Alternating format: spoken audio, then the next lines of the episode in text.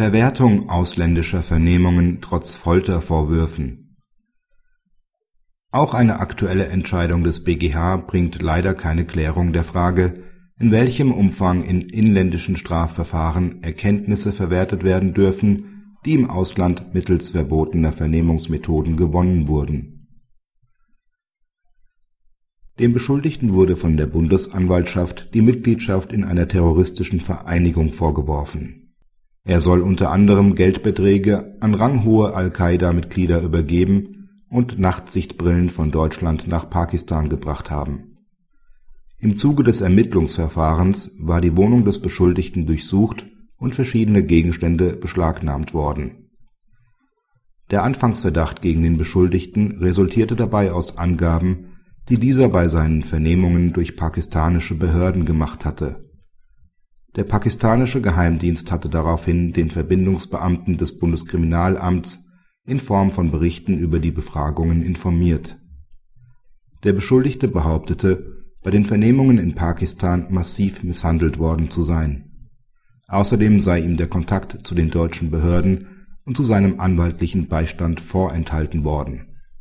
Er ist der Meinung, diese Umstände führten zu einer Unverwertbarkeit seiner Aussage und stünden bereits der Einleitung eines Ermittlungsverfahrens entgegen. Der BgH teilte diese Auffassung nicht.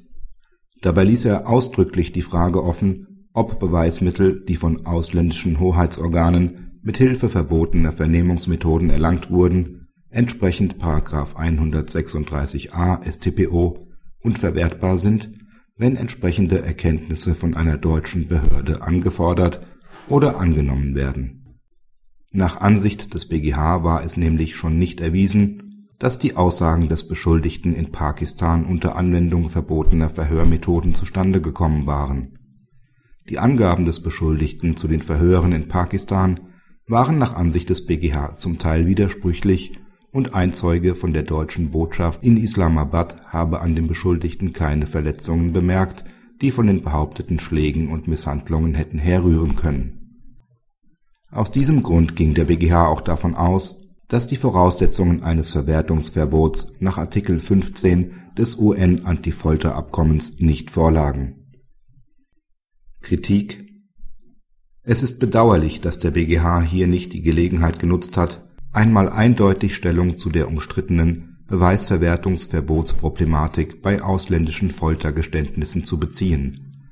Eine baldige Klärung der Frage wäre schon deshalb wünschenswert weil immer neue Ermittlungsverfahren gegen Terrorverdächtige auf der Grundlage von im Ausland unter fragwürdigen Umständen gewonnenen Beweisen eingeleitet werden.